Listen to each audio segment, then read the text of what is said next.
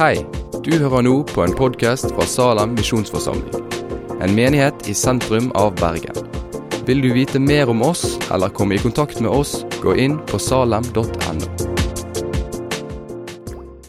Når vi leser fra Matteus 16 og vers 13 utover, så er det de siste versene jeg leser, som er søndagens tekst. Da Jesus kom til distriktet rundt Cesarea Filippi, spurte han disiplene sine.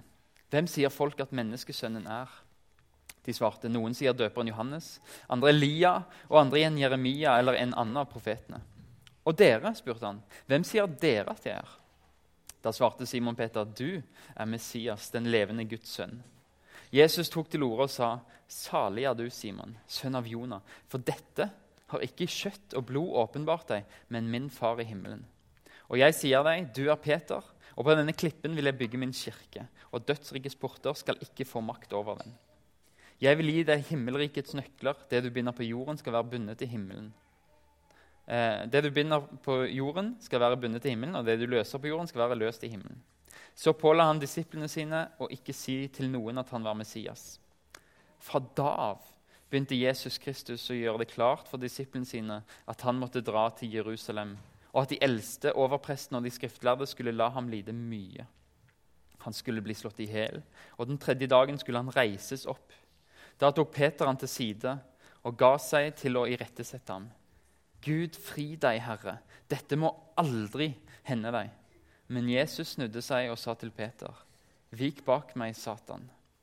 Du vil føre meg til fall. Du har ikke tanke for det som Gud vil, bare for det som mennesker vil. Deretter sa Jesus til disiplene, Om noen vil følge meg, må han fornekte seg selv og ta opp sitt kors og følge meg. For den som vil berge sitt liv, skal miste det. Men den som mister sitt liv for min skyld, skal finne det. Hva vil det gagne et menneske om det vinner hele verden, men taper sin sjel? Eller hva skal et menneske gi, til, gi som vederlag for sin sjel? For menneskesønnen skal komme i sin fars herlighet sammen med sine engler. Og Da skal han lønne hver og en etter det han har gjort. Det er én ting jeg har lyst at dere skal sitte igjen med når dere går hjem. Én ting. At vi godtar i tanke. At vi godtar dypt nede i hjertet. At motstand er en helt naturlig del av det å følge Jesus. Skal vi sette oss, og så kan vi be. Herre Far, ditt ord til oss er sannhet. Og Av og til så treffer det oss tøft og direkte. Men la dette være ord til liv og ord til tro allikevel. I ditt navn. Amen. Disiplene er kommet dit hen at de har fått en tro på at Jesus er Messias, den som Gud skulle sende. Jødene på denne tida hadde store forventninger til Messias. At han skulle være en frigjøringskjempe som skulle fri dem fra okkupasjonsmakta.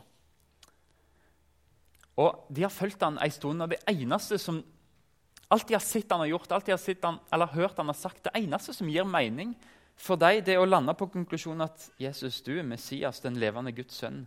Og De har sett at han har fått en tilhørerskare, og det må begynne å dirre forventninger om at nå skjer det kanskje noe. Nå skal vi kanskje ta makta tilbake fra romerne. Men så kommer Jesus med forbudet. Dere får ikke lov til å si til noen at jeg er Messias. Hvorfor ikke? Jo, for jeg tror at Jesus har en del korrigeringer å komme med først. Før de får lov til å forkynne at Jesus er Messias. Den som Gud har lova gjennom hele Det gamle testamentet, gjennom alle profetene og gjennom Moses og alle kongene. Før de forkynner det, så må de forstå hva betyr det at Jesus er Messias. De må lære hva han skal gjøre. For Jesus er den venta Messias, men på en veldig uventa måte. Peters sin respons viser at han ikke har forstått hvorfor Jesus kom. Peter responderer med å korrigere Jesus. Nei, aldri, Herre, om du skal bli korsfesta og dø. Dette må ikke skje med deg. Men de to ordene 'aldri', 'Herre', de utelukker hverandre. Og Det er nøkkel for å forstå hva som skjer videre. For Hvis du kaller en person for herre, så fratar du deg sjøl rettigheten til å si 'aldri'. Og hvis du sier til en person 'aldri', så er ikke det din herre. Bare noen få vers skiller når Jesus gratulerer Peter for å si 'Yes, du har forstått hvem jeg er'. Og Så går det bare seks vers, så sier Jesus 'Vik bak meg, Satan'. Vik bak meg, du som er motstander av det som jeg vil. Du som vil føre meg til fall. Et øyeblikk så snakker Peter for Gud, og i neste øyeblikk så snakker han for Satan, for motstanderen. Og Det går ikke engang opp for han at det fins en forskjell der. Jesus må advare han mot det. For Peter har god teologi. Han har de rette tankene. Men han fører ikke det livet den teologien krever. Læren kan være god, men hvis, den, hvis du sjøl setter grenser for hvordan læren preger livet ditt, så går ikke det regnestykket opp. Det stemmer ikke. Du kan ikke si 'aldri' til Han som er Herre. Peter ville nok verne Jesus i kjærlighet. Og det fins faktisk situasjoner der vi i kjærlighet og der vi tror vi gjør det beste for mennesker, hindrer de å følge Guds bud. Vi hindrer de å være lydige fordi vi vet det vil koste dem mye. Vår kjærlighet har en tilbøyelighet til å beskytte oss og til å beskytte hverandre, til å leve enkle, behagelige liv. Men Gud har en kjærlighet til oss som er fullkommen. En kjærlighet som ønsker å gi oss livet med stor L. Som ønsker at vi gir alt til Han som har gitt oss alt. Deretter sa Jesus til disiplene.: Om noen vil følge etter meg, så må han fornekte seg selv, ta opp sitt kors og følge meg. Du som vil være disippel av Jesus. Det gjelder oss som går her fast. Og hvis du er på besøk, så, så vit hva Jesus setter for premisser for hvem som skal følge han. Tre premisser. Hvis du, hvis du vil følge etter meg, så må du gjøre følgende. Du må, du må for det første fornekte deg sjøl. Vi tenker at det å fornekte seg sjøl handler om sånne små heroiske bragder som å si at 'jeg spiser ikke sjokolade når det er fastetid'. Eller 'jeg lar være å ha sukker i teen i advent'. Men da tar vi dette verset her totalt ut av kontekst, og det gir ikke mening i det hele tatt. Og Det er alltid farlig å ta vers, bare plukke de sånn ut. De står i en sammenheng. Å fornekte seg sjøl er akkurat det motsatte av hva Peter sa at Jesus måtte gjøre. Du må aldri bli korsfesta, Herre. Du må aldri dø. Men Jesus sier essensen av det å være disippel, det er å fornekte seg sjøl. At du slutter å sette deg sjøl først i alle ting. Å fornekte seg sjøl handler om å komme til det stedet der det som skjer med deg, i Guds vilje, nærmest blir irrelevant fordi at eh, ja, men jeg følger Jesus. Om jeg går gjennom motstand på veien, ja, så får det være sånn. For at Jesus skulle oppfylle Faderens vilje, Guds vilje, så måtte han bli henrettet på et kors. Med all den urettferdighet, all den smerten, all den frykten og angsten det innebar. Men hvis det var Guds vilje at han skulle dø på det korset, så var det det Jesus skulle, og det var det han ville kosta hva det kosta ville. Selvhevdelse var ikke et tema. Guds vilje, uansett hvor vanskelig det måtte være, det var ikke oppe til forhandling, og det var i alle fall ikke oppe til korrigering, sånn som Peter prøvde på.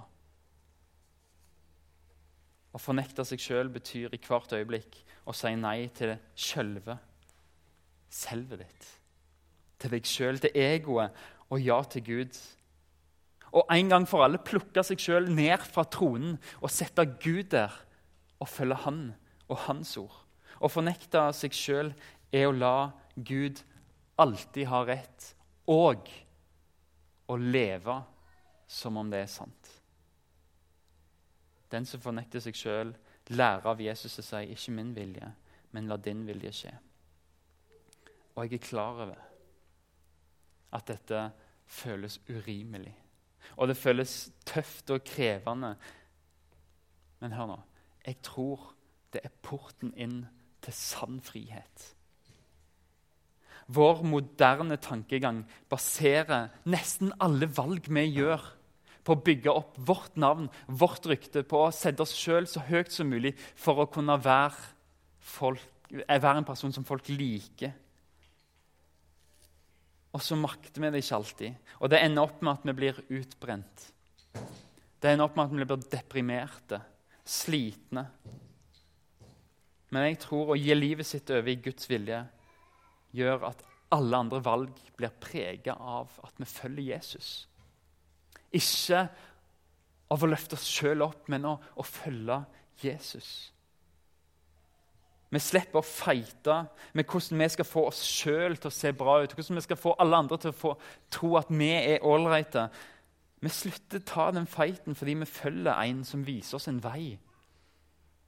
Å ha Jesus som Herre innebærer ikke bare at vi må gjøre det han sier, men det òg innebærer å tenke som han tenker om oss.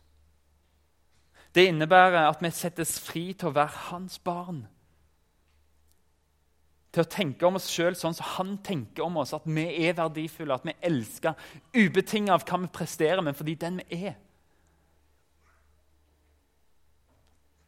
Vi godtar at han styrer livet vårt, og vi godtar at han kaller oss sine barn, og at vi elsker som han er. Vi følger han ikke bare i det han sier, men vi følger han òg i hva han tenker om oss, fordi han er herre. Jeg tror det er veien inn til frihet. Jesus sier òg at vi må ta opp vårt kors. Og Igjen så har vi feile tanker om, om, hva det vil si å plukke opp korset sitt. Vi tar verset ut av kontekst og så sier vi ja, det handler om å godta å leve med noen uunnværlige problemer i livet. Vi snakker om smerter og sykdommer og vanskelige omstendigheter. Og så konkluderer vi med at ja vel, dette er mitt kors å bære. Det var en mann som sa ja, jeg har hatt gikt lenge. Jeg tror det er mitt kors å bære. Jeg tror ikke det er korset hans, jeg tror det er gikta hans. For jeg tror korset er så mye mer enn det. Ikke nedgrader det å følge Jesus til ting som skjer med oss fordi vi lever i en fallen verden. Da er det ikke forskjell på oss og på de som ikke følger Jesus. Å ta opp sitt kors er mye mer enn å leve med problemer eller leve under vanskelige omstendigheter. Og For å forstå hva det betyr for oss å ta opp vårt kors, så må vi forstå hva det betydde for Jesus. Og Det vi ser at det, det at han bærer korset, det er uttrykket for den ultimate lydigheten mot sin far. Det ser vi når, når, Jesus før han blir tatt til fange, ber bønnen far, hvis det er mulig, så la meg få slippe å bli korsfesta. Men ikke som jeg vil, bare som du vil, må din vilje skje. Det er Jesu lydighet når han plukker opp korset. Han gikk i lydighet, selv om han selv han håpte på å slippe. Han ønsket å slippe. Og Paulus skriver om Jesus at han ble lydig til døden. Ja, døden på korset. Å ta opp sitt kors, sånn som Jesus. Det å være lydig. Uansett hva konsekvensene blir. Å ta opp sitt kors det handler om å plukke opp byrden av å leve et liv i tilbedelse. Et liv der det fins én som er herre, som er konge. Å forlate sine egne ambisjoner for å tjene Jesus. Og Det kan hende at du oppdager at den plassen du tjener Gud best, er den plassen der du får minst heder og minst ære og minst lønn. Kostnaden er stor, men gevinsten er uten proporsjoner uendelig mye større. Vi må ta, fornekte oss sjøl, plukke opp vårt kors og følg meg, sier Jesus. Å fornekte seg sjøl og ta opp sitt kors, det er å følge Jesus. Jesus hadde nettopp disiplinert, Peter og sagt, 'Peter, vik bak meg.' I stedet for å la Jesus lede veien mot Jerusalem, mot sin egen død og korsfestelse, så hadde Peter gått foran og sagt, 'Nei, dette må ikke skje.'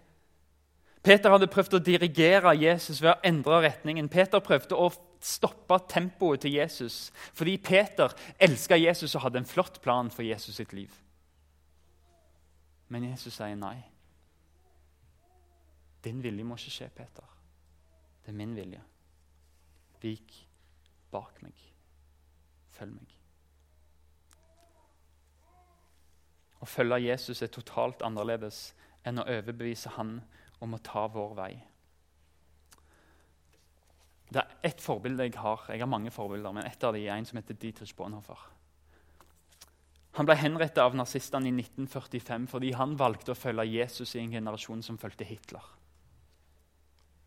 Hans budskap i ei bok som heter 'Etterfølgelse', det er at det å ta opp sitt kors, det er ikke en super åndelig valgmulighet for en kristen elite. Nei, å ta opp sitt kors, det er kristendom. Det er å følge Jesus for absolutt alle, uansett hvor vi bor hen. Og Han trodde, sånn som jeg òg tror, at det å følge Jesus i lydighet det er like mye nåde som det er å bli tilgitt av Jesus. Og Grunnen til det er at prisen for etterfølgelse den betalte Jesus sjøl. Den prisen han betalte for å følge Gud, og den prisen jeg betaler for å følge han, det er ikke den samme. Hans pris det var å bli forlatt av Gud på et kors for min skyld. Min pris å betale det er å slutte å springe vekk frivillig fra den guden, men leve som om han er Gud, og leve nært til han. Jesus ble forlatt av Gud fordi at jeg skal slippe å springe vekk fra han, men holde meg nær til han og bli møtt av nåde og veiledning. Dietrich Bonhoeffer skriver, og det er hans vitnesbyrd, han som ble henrettet av nazistene. Han levde i fangenskap, og han skriver om etterfølgelse. Jesu bud er hardt, umenneskelig hardt, for den som stritter imot. Jesu bud er mildt og slettes ikke tungt for den som villig går inn under det. Hans bud er ikke tunge. Jesu bud er ingen sjelelig hestekur. Jesus krever ikke noe mer av oss uten å gi oss kraft til å gjøre det. Jesu bud vil aldri ødelegge livet. Hans bud holder livet oppe, styrker det og gjør det helt. Men les det. Jesus krever ikke noe av oss uten å gi oss kraft til å gjøre det. Det er hans vitnesbyrd. Hvis det er vår oppgave å følge Jesus og disipler, så er det bare fordi at han har påtatt seg et større ansvar med å lede. Og Jo mer vi følger, jo mer vil vi kjenne at han er totalt kompetent og trofast i ledelsen sin. Det skaper større tro i oss. Vi tror at lydighet er et ork. Og Vi snakker som om lydighet til Jesus er et ork, men sannheten er at det er veien inn til å bli enda bedre kjent med Gud. Hvis du kjenner at du lever et ensformig kristenliv, at det er kjedelig å være kristen, at det ikke er spennende, at du, er, at du bare er behagelig hele tida. At du savner noe mer. Har du prøvd lydighet? Alle syns at radikale kristenliv virker spennende. Marie Monsen, broder Andreas, Dietrich Bonhoeffer, Nick Ripken, som kommer til generalforsamlingen, skal ha seminarer og skrevet fantastiske bøker som er verdt å lese. Og vi tenker liksom, å, tenk å ha hatt et sånt radikalt liv. Og jeg tror oppriktig at de har hatt et helt fantastisk liv, selv om det har kosta dem så uendelig mye. Jeg tror at etterfølgelse av Jesus er en kur mot kjedsomhet, mot egoisme, mot latskap. Og inn i spenning, inn i eventyr, inn i mening.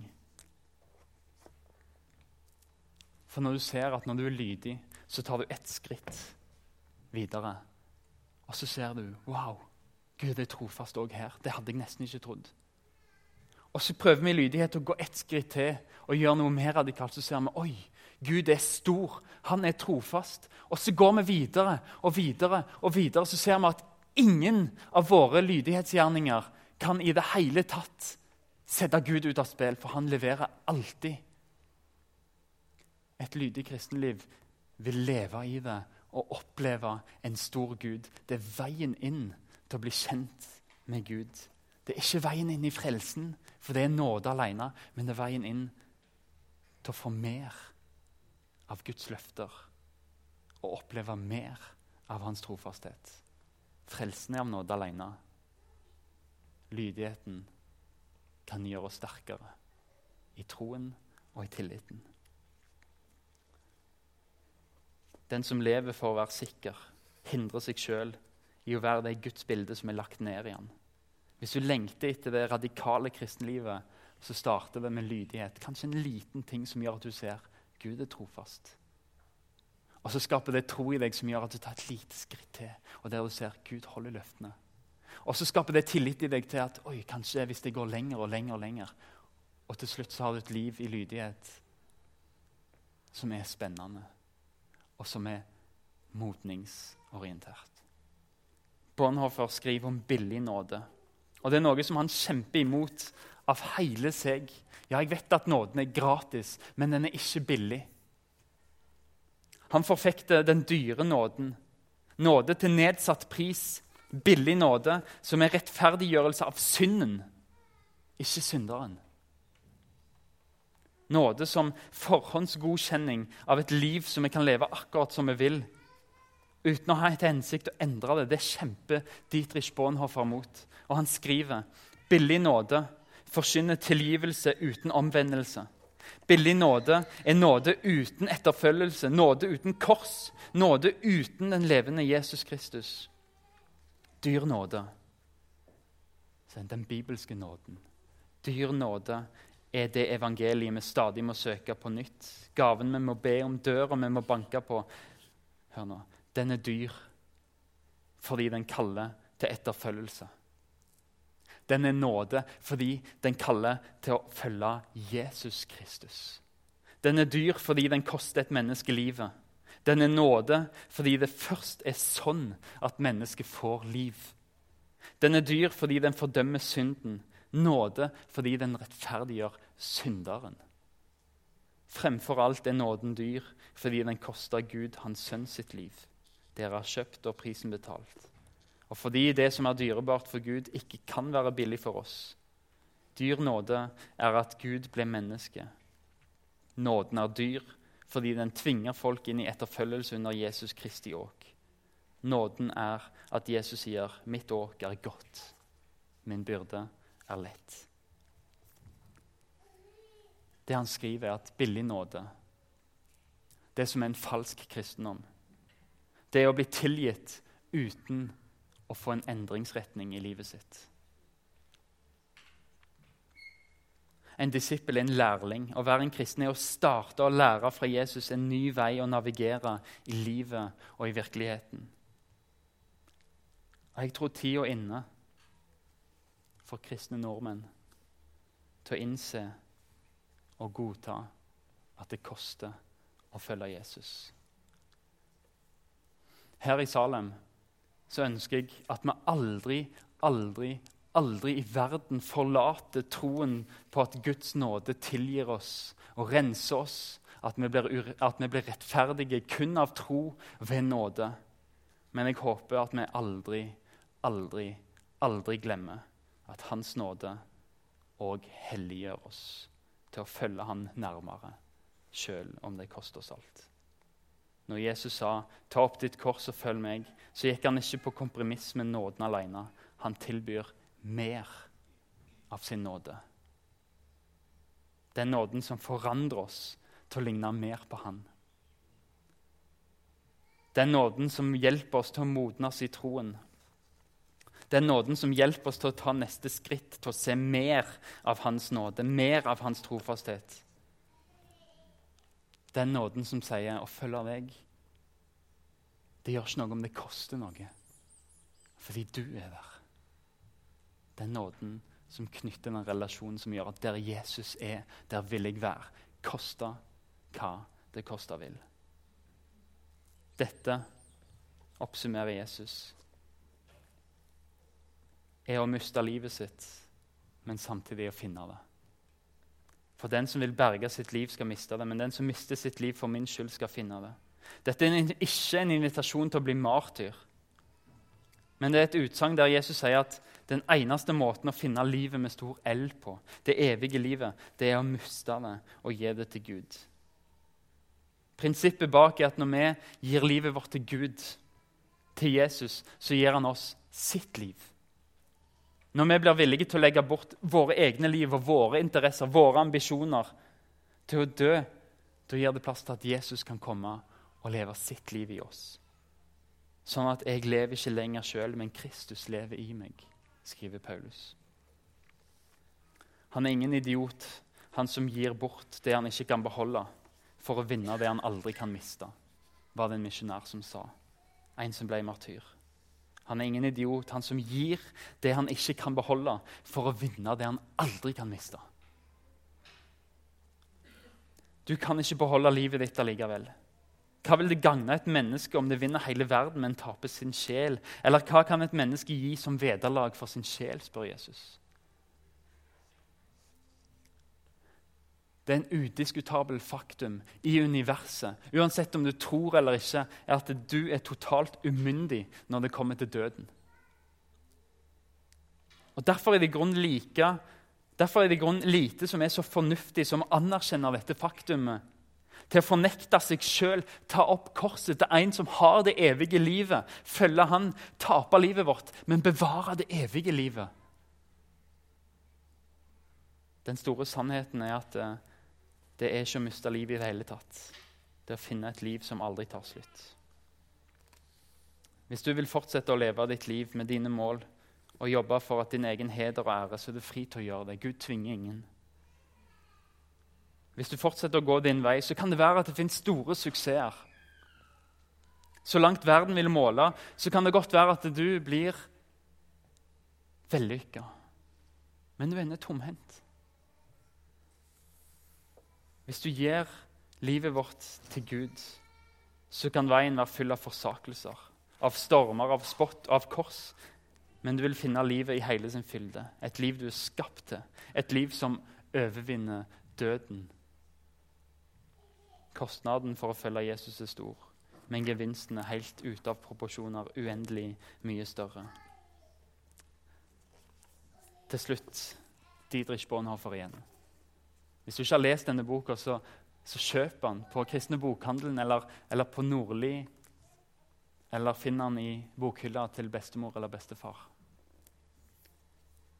Han skriver hvor vil så kallet til etterfølgelse føre dem som følger Jesus? Hvilke avgjørelser og avskjeder må det føre til? Det spørsmålet må vi stille til den eneste som vet svaret. Jesus Kristus sier 'følg meg'. Han er den eneste som vet hvor veien går.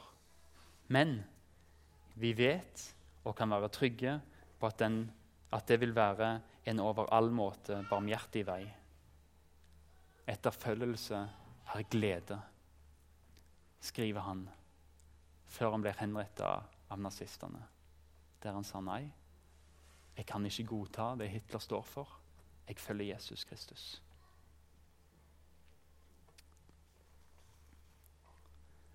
Jeg har lyst til å avslutte med en veldig, veldig, veldig viktig sannhet. Gud, hjelp oss til dette. Jesus sier til Simon Peter, som bekjenner at du er den levende Guds sønn, du er Messias. Jesus sier, 'Salig er du, Simon, sønn av Jonah.' For dette har ikke kjøtt og blod åpenbart deg, men Far i himmelen. Hvis du tror at Jesus er den levende Guds sønn, hvis du tror at Jesus er Herre, så er ikke det ditt verk. Det er ikke noe du har kommet fram til sjøl. Gud hjelper deg til å tro det. På samme måte som han vil hjelpe deg å gå lydig og gi kraft til å følge. Den hellige ånd kom inn i ditt mørke og skrudde på lysbryteren som peker på evangeliet, som peker på Jesus. Og så våkner du opp og så ser du det er jo Jesus, Guds sønn. Messias. Han vil jeg følge. Gud gjør ikke sånn bare med Peter, han gjør det i dag òg. Du hører en tale, du hører en sang, du leser ei bok eller i Bibelen, du snakker med en venn, og så begynner tanken om Jesus å endre seg. Og du begynner å se Jesus i et nytt liv, et nytt lys. Det som skjer, er at Gud sjøl i nåde gir oss klarhet i hjertet og i sinnet. Til å se gjennom tåka av fordommer, av misoppfatninger og all feil om Jesus. Og så skrur han på lyset, og så viser han Jesus som plukker opp et kors, som blir piska og slått, og som henger på det korset, og som dør for din skyld, men som står opp igjen med en kraft som han vil gi til de som tror på han, sånn at du kan gå i tro og med kraft gå i ferdiglagte gjerninger. Han skrur på lyset sånn at du kommer til sikkerhet om at Jesus er Guds sønn og det evige livet. Og han vil du skal ta imot det. Og Du har mulighet til å ta imot det i dag. Jesus står med åpne armer. Du trenger ikke gjøre noe. La oss få lov til å fortelle deg hvordan Jesus står med åpne armer. Kom til forbønn under nattværen, eller snakk med oss etterpå. For Gud vil stå klar med lysbryteren. Han vil vise deg hvem han er, sånn at du kan følge han og ta imot det livet som han vil gi. Skal vi be. Herre Far, takk for at uh, alle dine bud er gode. Ditt åk verker uendelig tungt, men du bærer det sammen med oss. Du gir oss kraft til å følge. Takk for at du aldri vil be, be oss om noe som du ikke vil gi oss kraft til å gjennomføre. Jesus, kom inn i vårt mørke. Slå på lysbryteren. La oss få se hvem du er. La oss få se hvor du går, sånn at vi kan elske deg, takke deg og følge deg. Koste hva det koste vil.